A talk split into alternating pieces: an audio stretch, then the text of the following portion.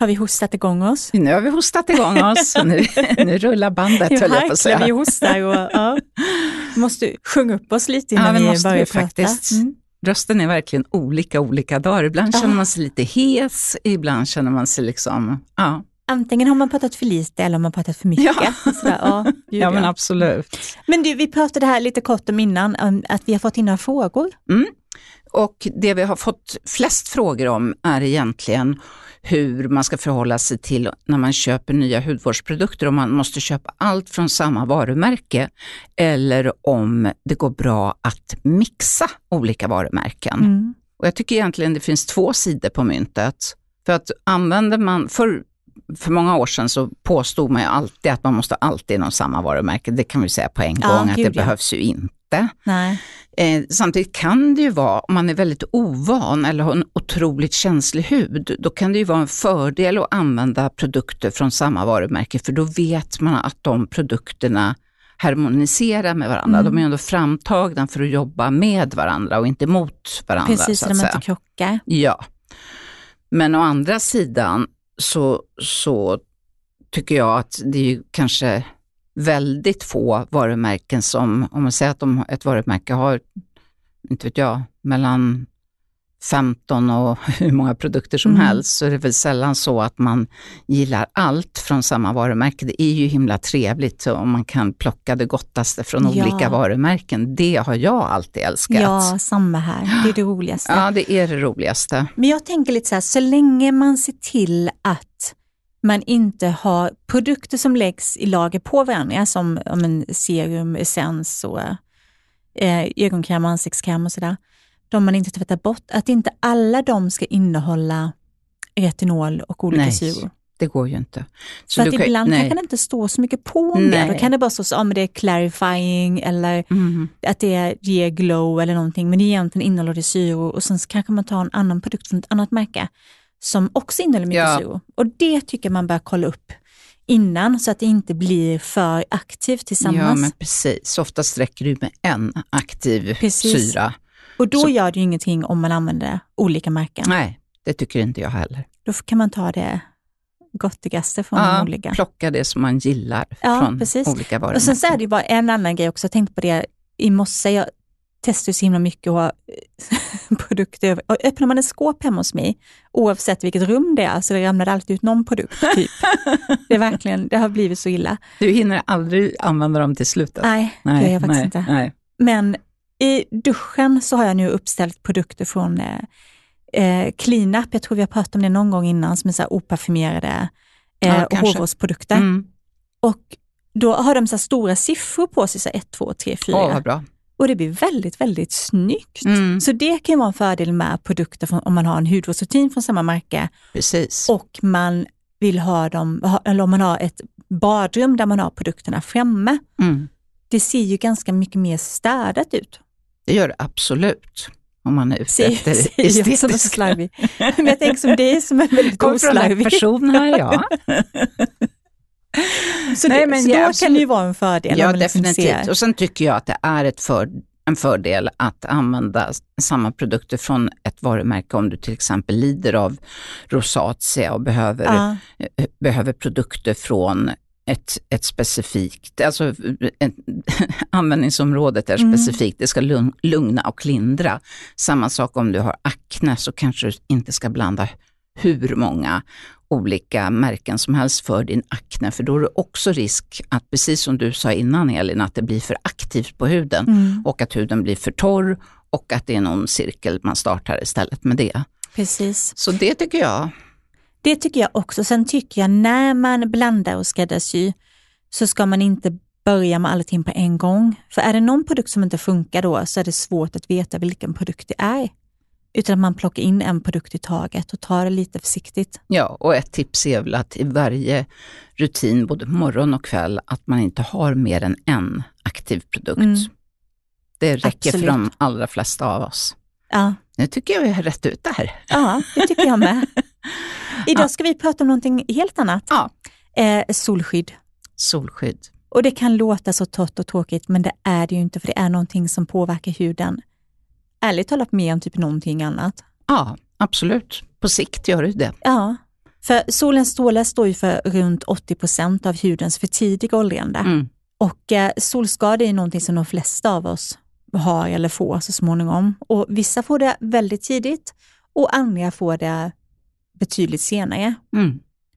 Och där har ju solskydd en väldigt stor inverkan. Vi ska prata med ett riktigt proffs, Margrethe, idag, som snart är här. Och lite ärftlighet också, vill jag lägga till. Absolut. Lite hur ljus man är i huden. Om man är rödlätt så är det, kommer det mycket snabbare. Ja, Både, både pigmentförändringarna och eh, ja, ja, alla de andra skadorna också. all, allt det Mm. andra också.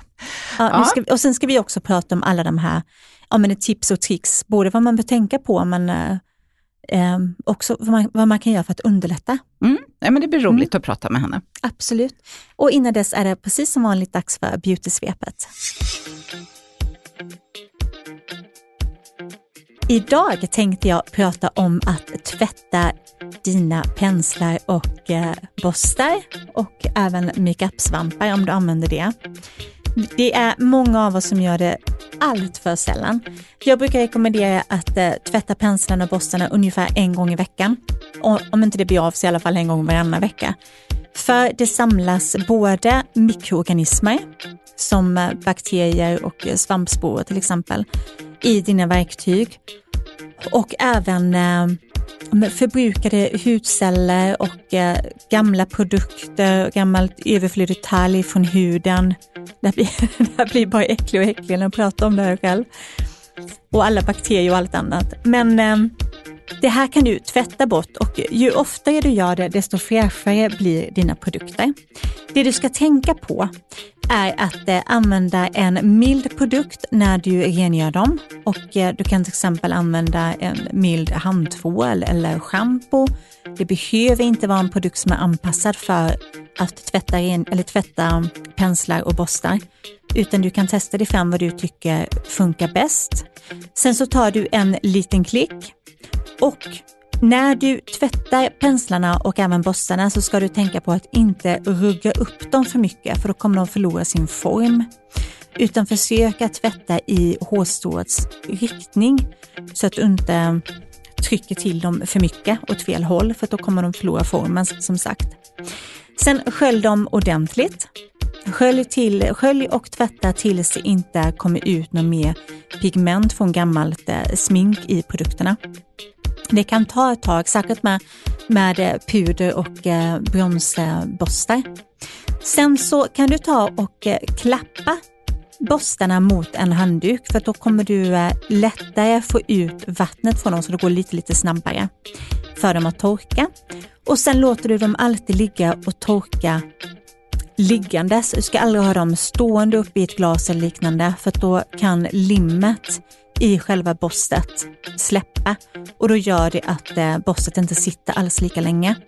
Så låt dem liggandes torka och gärna lite lutande så du kan till exempel lägga som eh, Låta dem ligga på en handduk och sen så kan du rulla en annan handduk och lägga så att själva skaftet kan vila på den rullade handduken så att borstet lutar sig neråt för att undvika att fukt och vatten kommer in i själva limmet. Innan du lägger dem på tork så kan du se till att eh, forma till dem lite så de får en fin form även när de har torkat. Lycka till!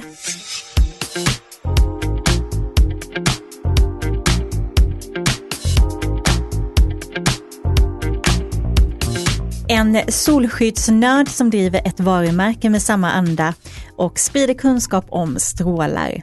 En trädgårdstokig mamma med spirituella böcker i lurarna om universums mysterier.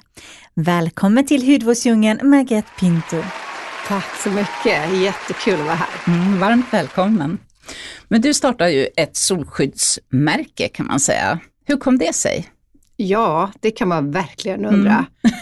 När jag startade så var det faktiskt många som undrade om jag var, hade liksom alla häs- hästar hemma.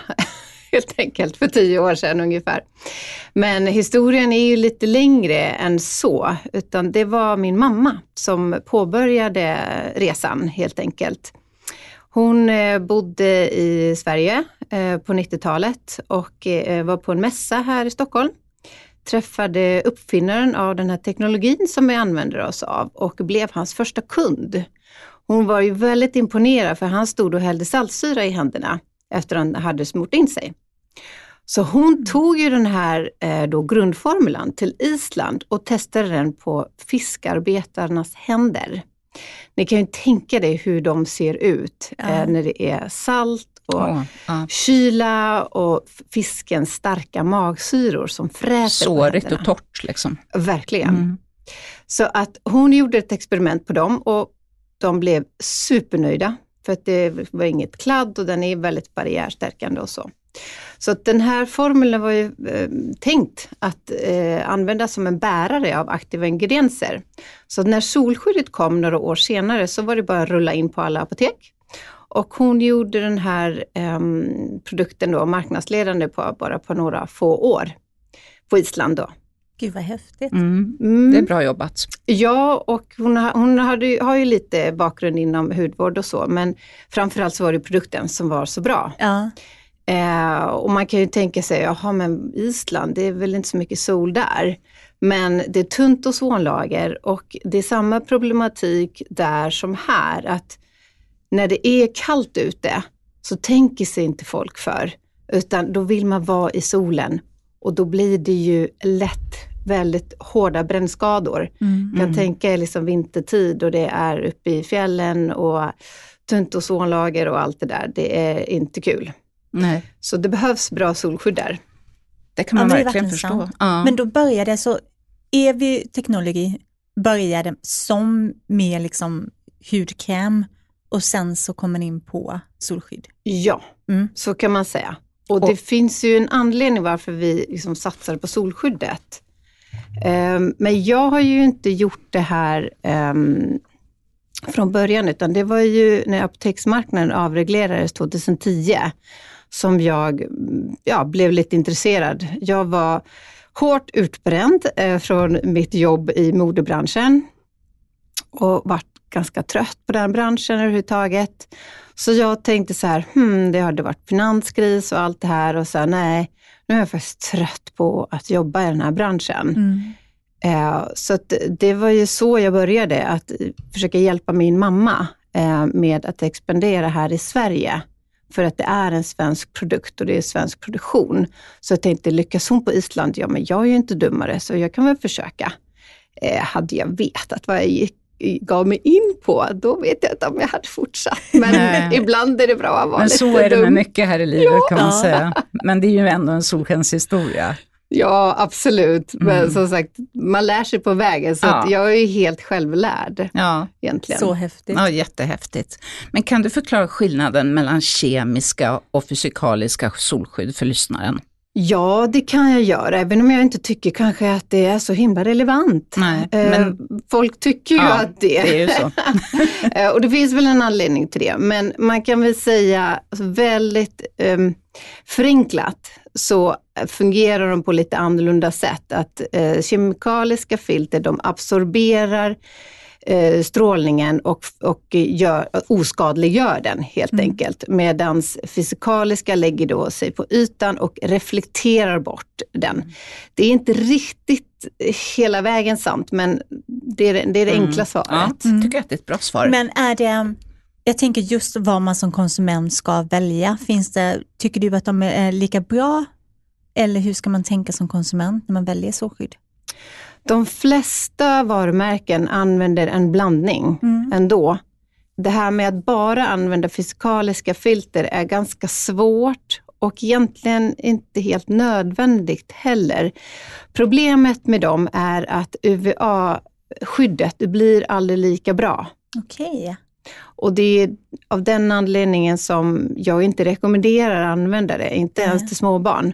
Och det kan man väl se på apoteken, att de är ju väldigt noga med vad de tar in. Och Mm. där är det ju oftast en blandning av både fysikaliska och kemiska. Nu kan vi ju säga också att det är väl svårt att dra alla kemiska filter över en kam. Det finns kanske ungefär 26 olika filter i verktygslådan och så är det är bara två fysikaliska filter som är zinkoxid och titandioxid.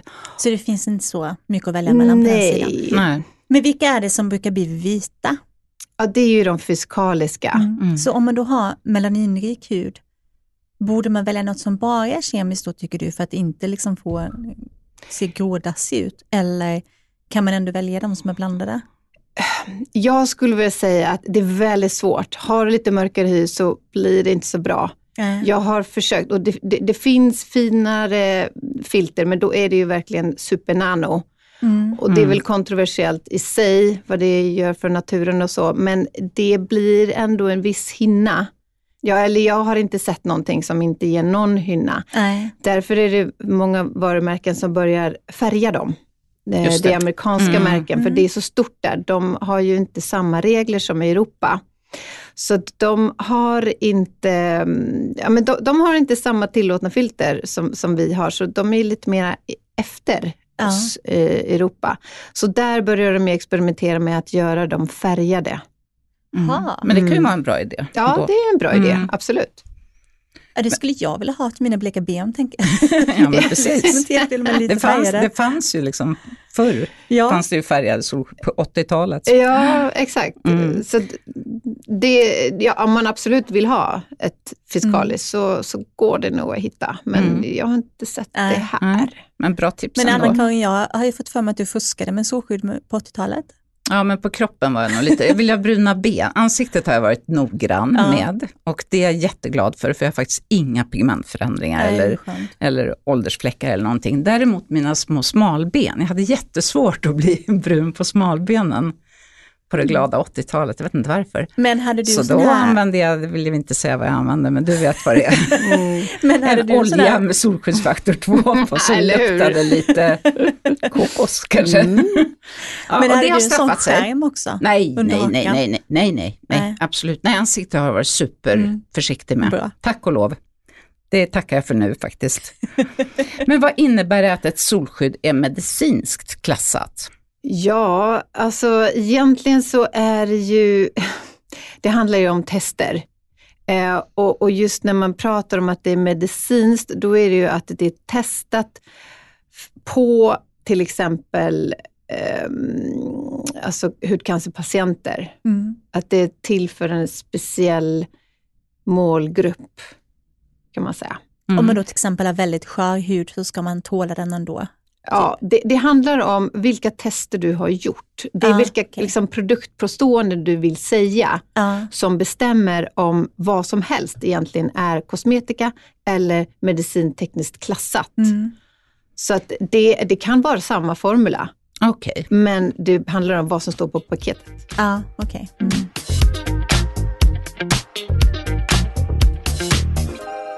Går det att enkelt förklara skillnaden på UVA och UVB? Jag brukar tänka så här, men UVA, UVH, alltså det är det som orsakar mest solskador och UVB är det som man bränner sig av. Hur, hur tänker du?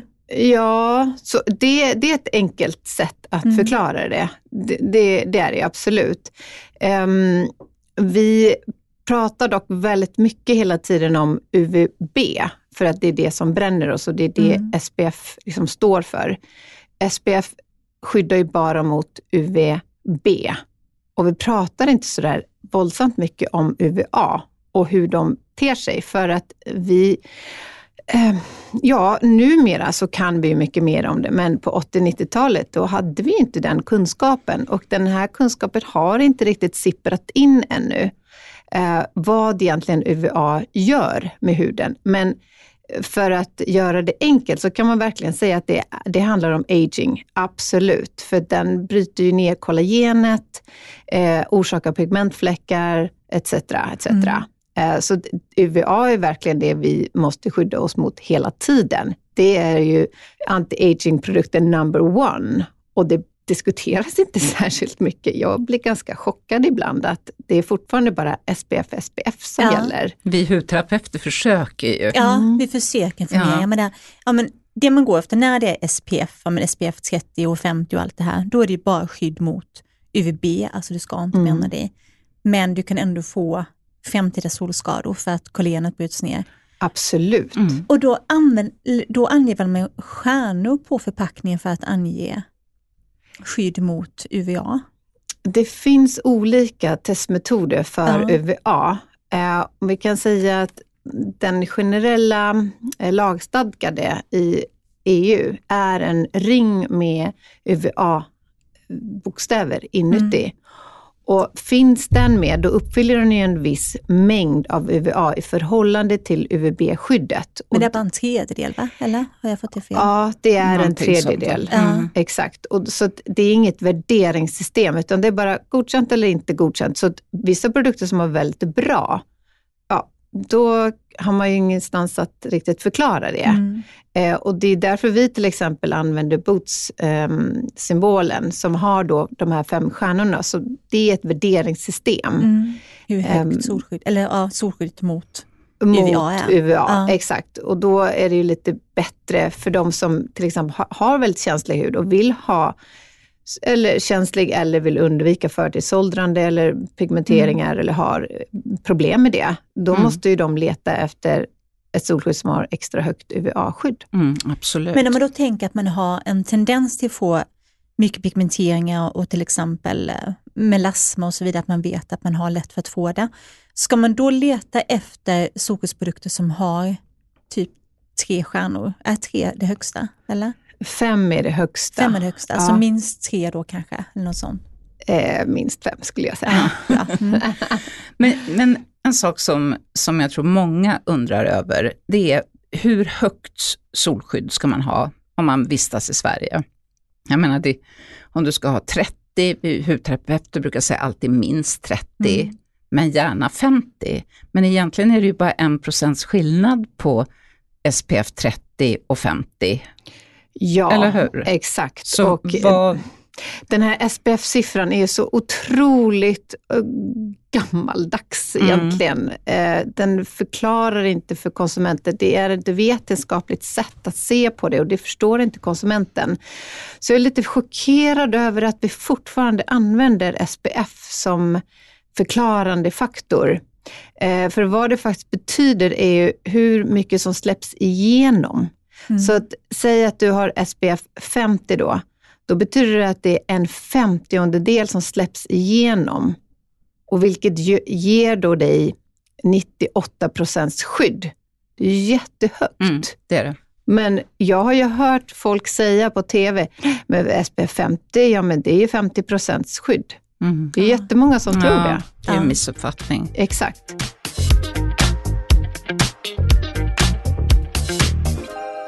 Men en annan missuppfattning tycker jag, det, och det har jag funderat lite på, det är ju att en, det är ju egentligen en myt att det räcker med solskydd som skydd för solen.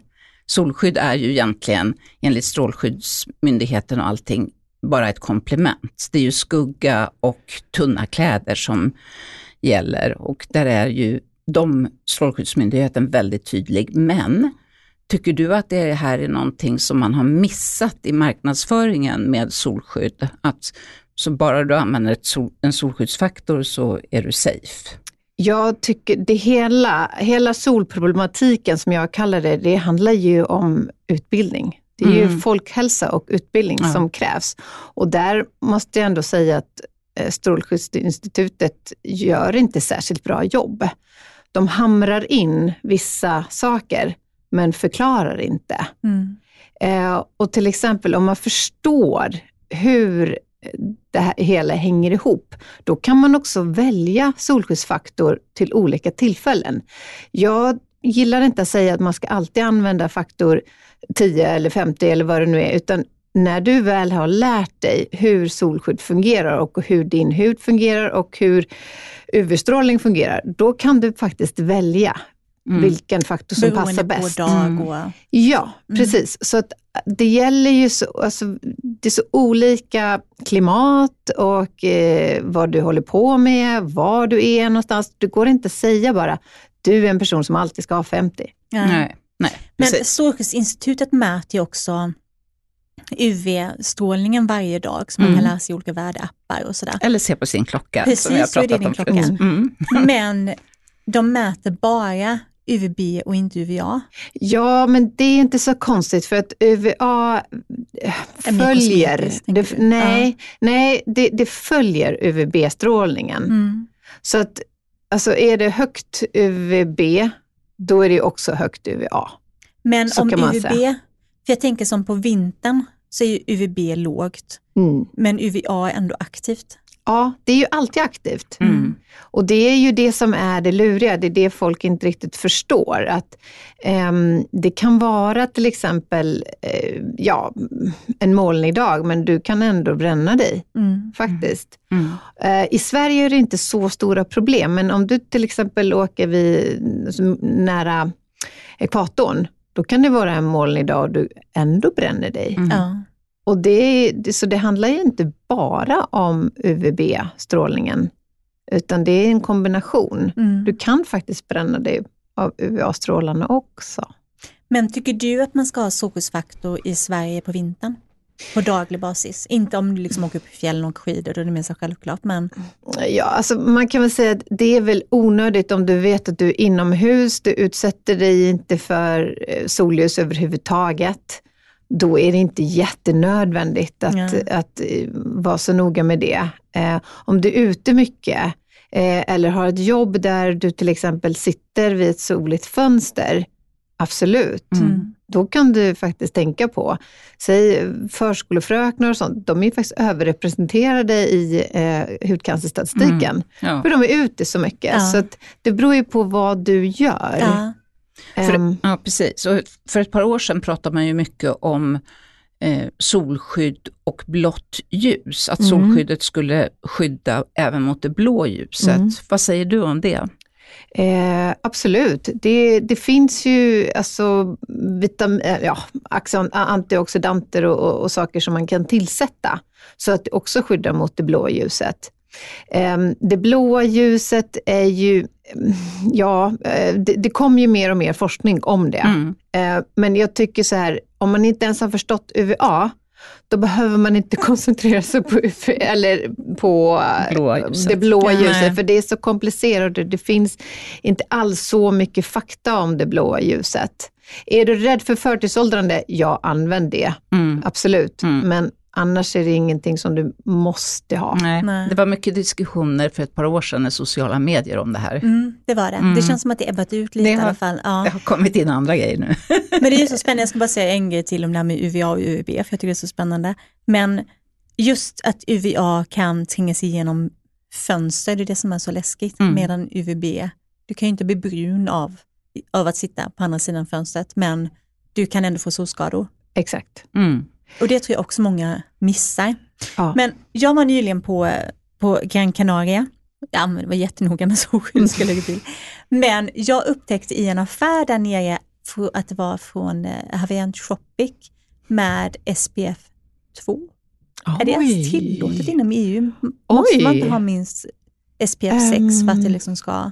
Gud, bra fråga. Alltså jag trodde faktiskt att det var förbjudet i Ja, Europa. Jag trodde också det, Eh, men Under sex. ja, jag har också fått för mig det, men det var bara, ja.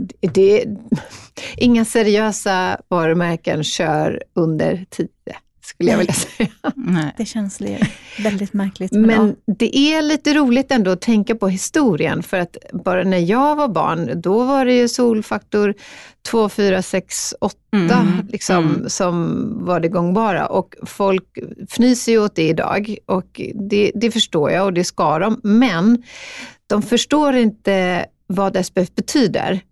Och därför först- förstår de inte heller att SPF 2, det skyddar faktiskt mot 50 procent av solstrålarna. Mm. Så det är inte så illa som man tror. För att just den här SPF-faktorn är så otroligt förvirrande. Mm. Det hade ju varit mycket enklare att bara prata procent. Ja, det hade varit mycket, mycket smidigare. Mm. Det hade förklarat folk, för folk väldigt mycket mer i alla Ja. fall.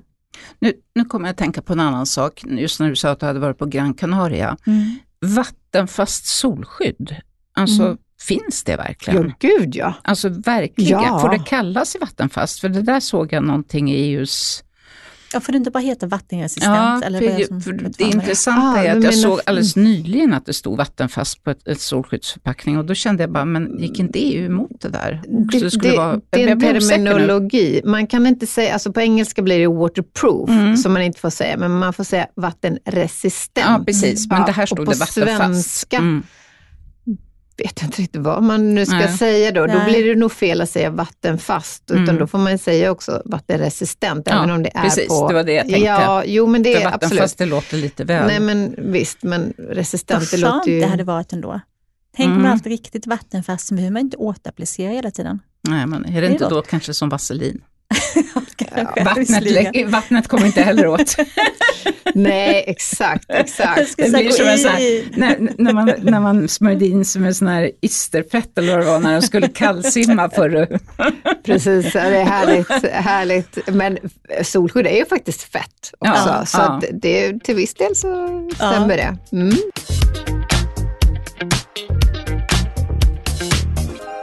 Det här avsnittet av Hudvårdsdjungeln sponsras av hudvårdsmärket Dr. K. Det här är en eh, hudvårdsserie med prebiotiska egenskaper då de ökar tillväxten av goda bakterier som har antiinflammatoriska egenskaper. Och för att uppnå den effekten så använder de en peptidteknologi. Sen har dessutom probiotikaliknande effekt då de stärker barriärfunktionen och immunsystemet samt även balansen i hudens mikrobiom. Dr. Juanita Killian är en framstående farmaceut, forskare och författare som bland annat har doktorerat i transdermala leveranssystem. Och det är hon som ligger bakom det här märket. Hon är dessutom väldigt trevlig kan jag lägga till. Du har träffat henne några gånger. Hennes passion är forskning kring hudens anatomi som ett vitalt kroppsorgan och därför kan den här produktserien framgångsrikt behandla olika hudtillstånd såsom åldrande, hyperpigmentering, akne, eksem och så vidare. Det finns flera olika serier i eh, Dr. K. En av dem heter Cellularverse som har berikats med nukleotider som påskyndar cellomsättningsprocessen och säkerställer att nya celler av god kvalitet bildas. Cellularverse har också lanserat två stycken revolutionerande kosttillskott. Nukleokollagen som innehåller nukleotider och kollagen och transresveratrol och även Renuivo Biotic som är probiotiska stammar, zink och selen.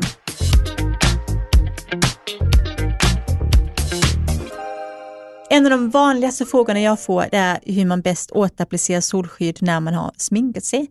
På Strandes kanske vi inte sminkar oss, men, på, ja, men inför en AV på en utservering till exempel.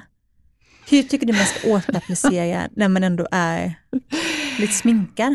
Ja, vet du vad, jag, jag måste nästan göra reklam här för att det, det är väldigt få produkter som håller så länge så att, att du måste återapplicera men inga tester är ju gjorda på sminket. Så att du vet ju inte riktigt hur du, vilket skydd du kommer att få. Nej. För det är svårt att tränga igenom din foundation och allt det där. Mm. Eh, jag skulle faktiskt inte rekommendera det överhuvudtaget. Att återapplicera Nej. på en sminkad yta. Är det Nej. bäst att sig i skuggan. Ja. Ja, nästan. Alltså, du vet inte alls hur det kommer att fungera. Nej, för jag tänker, det finns ju både så här, om en solskyddsfaktor i puderform, men då vet man inte hur mycket Men det är, man får på huden. det, det är helt eh, tekniskt, tekniskt omöjligt att få den mängden som står på förpackningen. Det är Ja. bara köpa grisen i säcken. Ja, Ja. men det finns ju hur mycket konstiga saker som helst. Det finns ju eh, alltså, serum med solskydd i som du ska blanda i din vanliga kräm. Ja, alltså, snälla, vad är det här? Nej, men det är ju det, som är, ju liksom, Det grejen. tycker Ja. jag är så konstigt så att, Folk förstår ju inte hur man ska använda solskydd och hur mycket man ska använda för att uppnå den faktor som Mm. står på flaskan. Och det är det som är hela problemet, att man tar inte tillräcklig mängd. Och det står inte ens tydligt på väldigt många förpackningar hur mycket ska du faktiskt ta för att uppnå det som står på eh, förpackningen. och hur mycket ska man ta? Ja, alltså det beror ju lite på konsistensen på produkten, så det är lite svårt att säga exakt. För att Men om en- du bara, du kan ju bara stå för ditt varumärke om du säger, Ja, nej men för, för vårt, eh, ja, mousse, mousseformen, då är det ju ungefär en golfboll som räcker gott och väl till ansikte Mm. och dekolletage och hals och allting. Eh, har du en lotion, då kanske du ska ha två milliliter i ansiktet mm, ungefär. Och två milliliter ja, är det en tjockare form då kanske du behöver lite mindre. Är det en väldigt flytande form då behöver du mer. Mm. Och det är ganska mycket.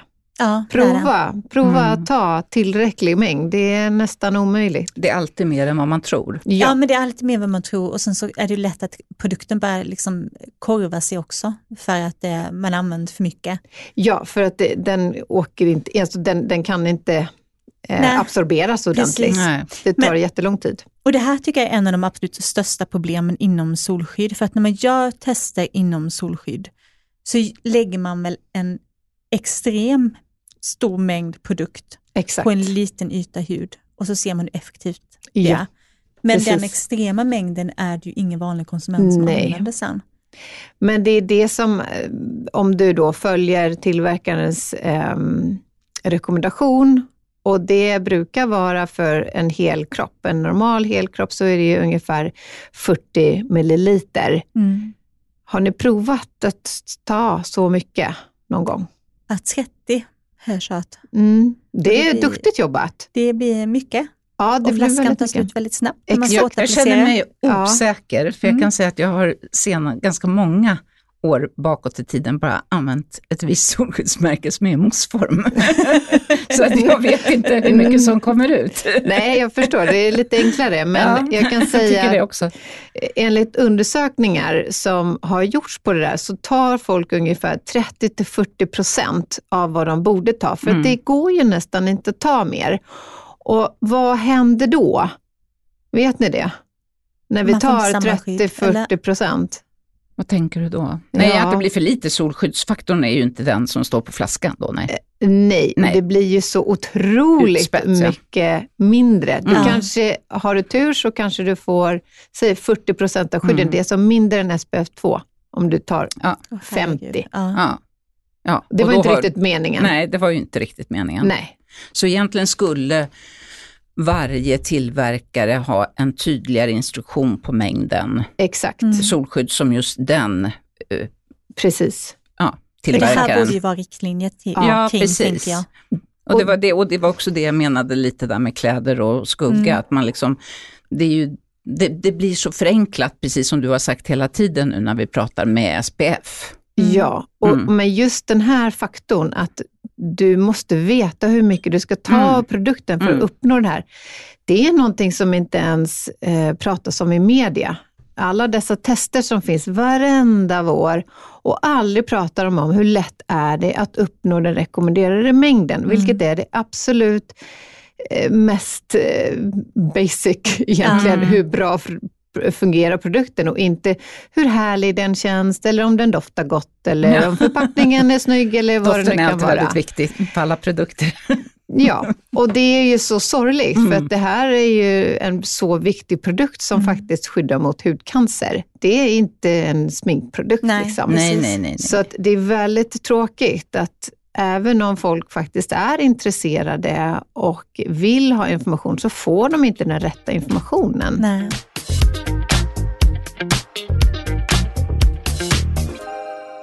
Men har du något annat knep för att komma ihåg mängden solskydd som behövs och även just därför komma ihåg återapplicering? Ja, alltså generella regler säger ju att du ska återapplicera varannan timme Mm. och då säger att du ska göra det för ansiktet. Alltså det är ett omöjligt uppdrag. Det Mm. går inte. Du får ju aldrig det skydd som du hoppas få Nej. med en vanlig produkt. Eh, det tips som jag har här är att försöka hitta en, antingen en vattenresistent produkt eh, eller en svettresistent. För då får du lite mer hum om eh, hur länge den håller. Mm. Men det är faktiskt inte helt ehm, lagligt att skriva ut det för att det finns EU-regler där man ska uppmana till försiktighet. Och därför ska man egentligen råda alla att applicera på det viset. Vilket blir lite tokigt också för att egentligen så det handlar ju om att du ska applicera tillräckligt första gången och inte hålla på att dutta sex Mm. gånger om dagen. Eh, för att gör du det, då kan du ju ha hunnit bränna dig under tiden och har du bränt dig, men då har du bränt dig. Mm. Så att applicera ordentligt första gången istället för att säga, äh, men jag applicerar igen om en timme. Ja. Och sen om man är en person som liksom kanske är och badar och bad, har badkläder på sig så måste man väl applicera igen efter varje bad. Och sen tänker jag de här frottéhanddukarna och allting som folk sitter på, filtar och allt vad det är. Det blir ju också friktion Ja. mot huden. Mm. Och det är ju klart att det blir som att pila, det blir som en Mm. mekanisk peeling. Så att det pilar ju också bort till en viss del. Ja, det tror jag inte heller folket tänker på. Nej, och det är väl det som gör att jag inte gillar fysikaliska filter, för att de lägger sig verkligen på ytan och Mm. gnuggas superlätt bort. Mm. Mm. Eh, så att när man pratar om att ja, men välj fysikaliskt filter till barn och så, där, jag bara, Åh, nej absolut inte, de åker vattenrutschkana och allt vad de nu gör, liksom, jag använder absolut inte det. Nej. Så att det finns väldigt många olika aspekter att ehm, tänka på här. Mm. Och som sagt, framförallt, vad gör du? Var är du? Ja. Från vilken ålder kan man applicera solkräm på barn? Vad är rekommendationerna nu? Eh, Man säger att man ska inte använda solskydd på barn under ett år. Vi har faktiskt fått ett undantag. Vi, vi får skriva sex månaders eh, Mm. Så era produkter är säkra Ja. från sex månader? Eh, vilket är väldigt speciellt eftersom kemikaliska produkter egentligen rekommenderas från tre års ålder. Mm. Men vi har ju en speciell teknologi och det är så låga halter så att det är okej. Men man får inte skriva från födseln. Nej. Så att längre än så gick inte Läkemedelsverket. Nej, men det var ändå ett väldigt gott betyg till er. Ja. Men vad är det för typ av teknologi? Det är ju den här eh, membranteknologin som jag berättade om eh, i början, att det, den stärker ju hudbarriären Mm. och den imiterar den naturliga sättet hudet, huden fungerar på egentligen. Så den bildar som ett Gore-Tex-membran i huden. Och vad som är så häftigt med just att använda den till solskydd, det är att du kan testa solskydd. Du testar ju inte vanliga produkter på det viset, så, och hur länge håller C-vitaminet eller hur lång, eh, hur, hur lång Ja, tid fungerar liksom, hyaluronsyran eller vad det nu är. Mm. Liksom. Eh, Men just med solskydd så blir det så vetenskapligt och så roligt och att man kan verkligen testa allt möjligt. Eh, bland annat då vattentesterna är ju väldigt kul för att det är ju exakta mått på allting. Och vad teknologin gör det är ju att den ska inte ligga på ytan, utan den lägger sig i hela epidermis, alltså översta hudlagret, låser sig där som ett membran och den tar med sig de aktiva ingredienserna som skyddas då från nedbrytande syre. Och så är det ju med allting. Eh, så fort du kommer, eller så fort en produkt kommer i kontakt med syre så börjar den ju brytas ner. Eh, Oavsett hur dyr och fin den är Mm. så, Ja, så är gör den ju det. Ja. Och det är därför man säger också, och i kombination med sol som bryter ner extra fort, ehm, att man ska återapplicera så ofta. Mm. Men i den här teknologin så blir det ju, en, den åker ju längre ner. Så hur den absorberas eller och mättas snabbare och så håller det sig där. Mm. Och det håller verkligen som berget. Vi eh, har ju gjort eh, väldigt mycket tester på våra produkter under de här 20 åren som vi har hållit på. Eh, Och jag kan säga att till exempel våran SPF 50, eh, vi gjorde ett test där Vattentestet går, går, går till så här att man doppar en person i vatten i 20 minuter och så torkar man i 15 och så ner och upp och ner och upp och ner.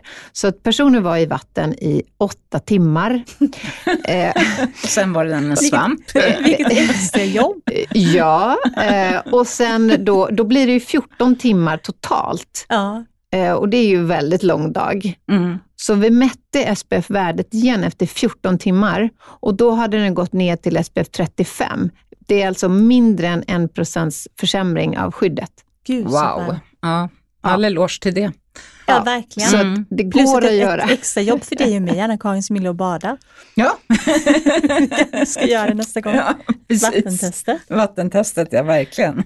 Men kan, tycker du att man kan säga att solskydd motverkar hudcancer? Ja, absolut. Det gör det. Om man vet hur man använder det och Mm. använder det korrekt. Mm. Återigen. Ja, Mm. det är det som är hela eh, hemligheten. Ja, precis. Och lyckas man använda tillräckligt. Mm. Ja, och sen ska vi ju Mm. säga såklart att vissa Mm. hudcancerformer är ju stor del ärftliga, så att man kan ha använt hur mycket solskydd som helst.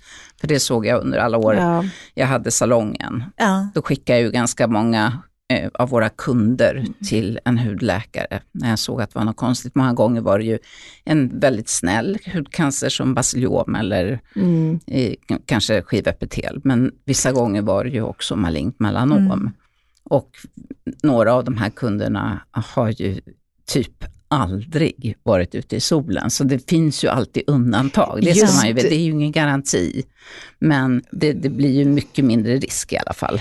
Alltså just den farligaste cancern Mm. är ju den som är mest genetisk. Ja, maligna, Ja, malignt precis. melanom. Och det har man ju Exakt. ofta i släkten. Då. Ja, Mm. exakt. Mm. Men den, all, den andra hudcancern, Mm. alltså om man ser det totalt så är det ju 95 procent som beror på sollandet. Jo, precis, absolut. Ja. Smörj Det är det ju. Ja, Mm. det är det.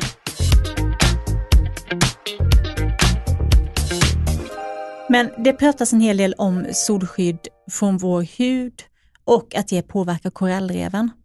Ja, det den diskussionen har faktiskt börjat ebba ut nu för att eh, det är många stora företag och forskare som har lyft upp det här att det, det där stämmer inte riktigt. Det som påverkar korallerna är ju framförallt vår miljöförstöring Mm. eh, och uppvärmningen av haven. Bara en, två grader kan göra jättestor skada på korallreven. Och det här har de ju sett genom att eh, forska på olika korallrev där det finns både turister och inga turister. Så att de ser att ja, solskydd kanske hamnar på plats nummer 200 när det gäller vad som påverkar korallreven.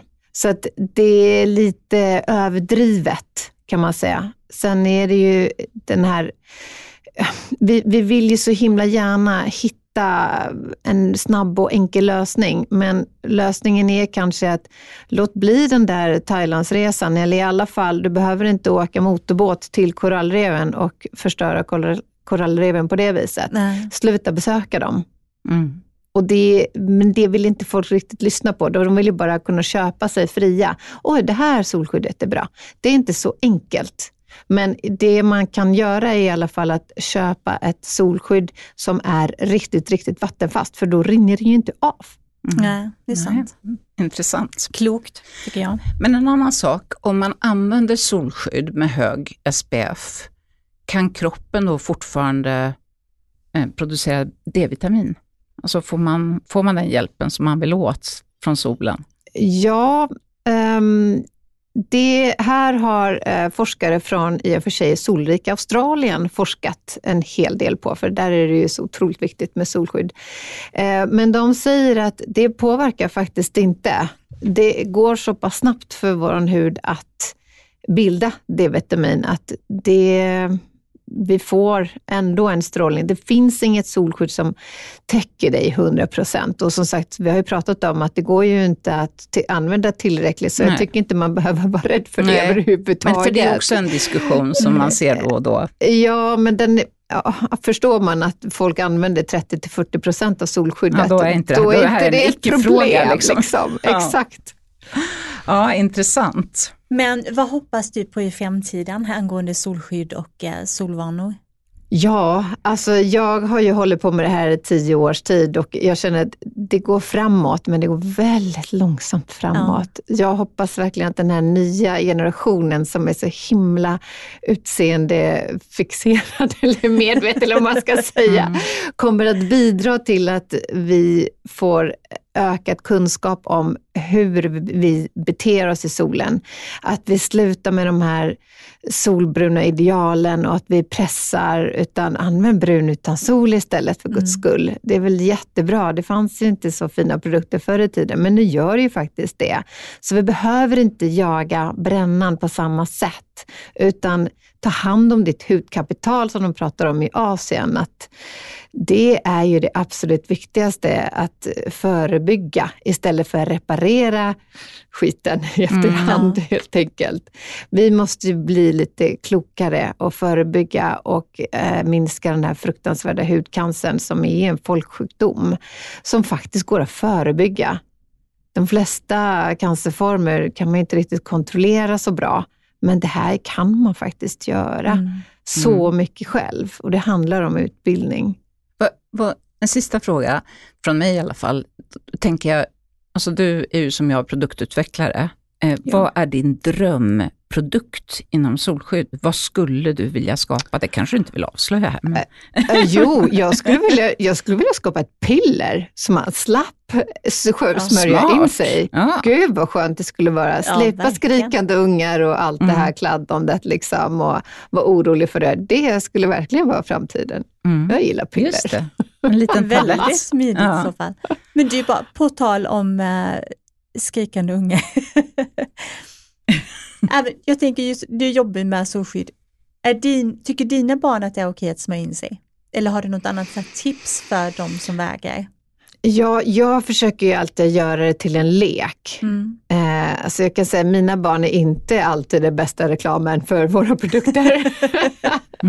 eh, men man brukar kunna få till det genom eh, leken. Alltså det här med mossen är ju väldigt roligt och Mm. man kan eh, använda, alltså göra snöbollskrig och Mm. Göra små Eh, gubbar i... Ja, allt möjligt Mm. liksom. Mm. Så det, det får bara inte bli för roligt för att då vill de inte sluta. Nej, Nej, det det är flaskan slut sen. Exakt. Mm. Precis. ja men underbart, vi måste smörja in dem små också. Det är det Ja, allra absolut. viktigaste. Där, är Ja.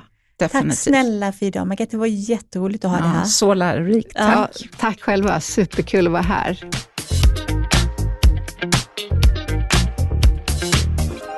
Jag hoppas att många fick en liten tankställare av det här avsnittet. Mm, just det, använd mycket mer solskydd än Mm. vad ni tror. Precis, och jag, ja, men ett sånt där gammalt knep jag brukar ta är att eh, när man väl har smörjt in hela kroppen en gång, så kan man ta och smörja in den en gång till. Ja, men faktiskt. För det man gör ingen skada. Nej. Nej. precis. Och så glöm inte bakom öronen på, på öronen Mm. och liksom i nacken är också Ja. sånt som många glömmer. Ja, och händer och fötter. För Ja. ofta så tvättar man om händerna efter Mm. och sen så, så har, då har man ingen solskydd ovanpå händerna. Nej, och Nej det är där precis. faktiskt pigmentfläckar och så brukar synas Ja. väldigt tidigt. Definitivt. Och nu är det ju dags, för nu när våren är här så är huden väldigt oskyddad. Så börja redan nu tycker jag, vänta inte till juli och du ska åka ner till eh, varmare breddgrader, grader, utan eh, kör redan nu. Ja, Få in det i din dagliga hudvårdsrutin. Och glöm inte att följa oss på Instagram och gärna prenumerera på Hudvårdsdjungeln i din eh, poddapp eller om du till exempel lyssnar på Spotify. mm. och dela med era vänner. Precis. Ha en härlig vecka så länge. Hej då. Hej!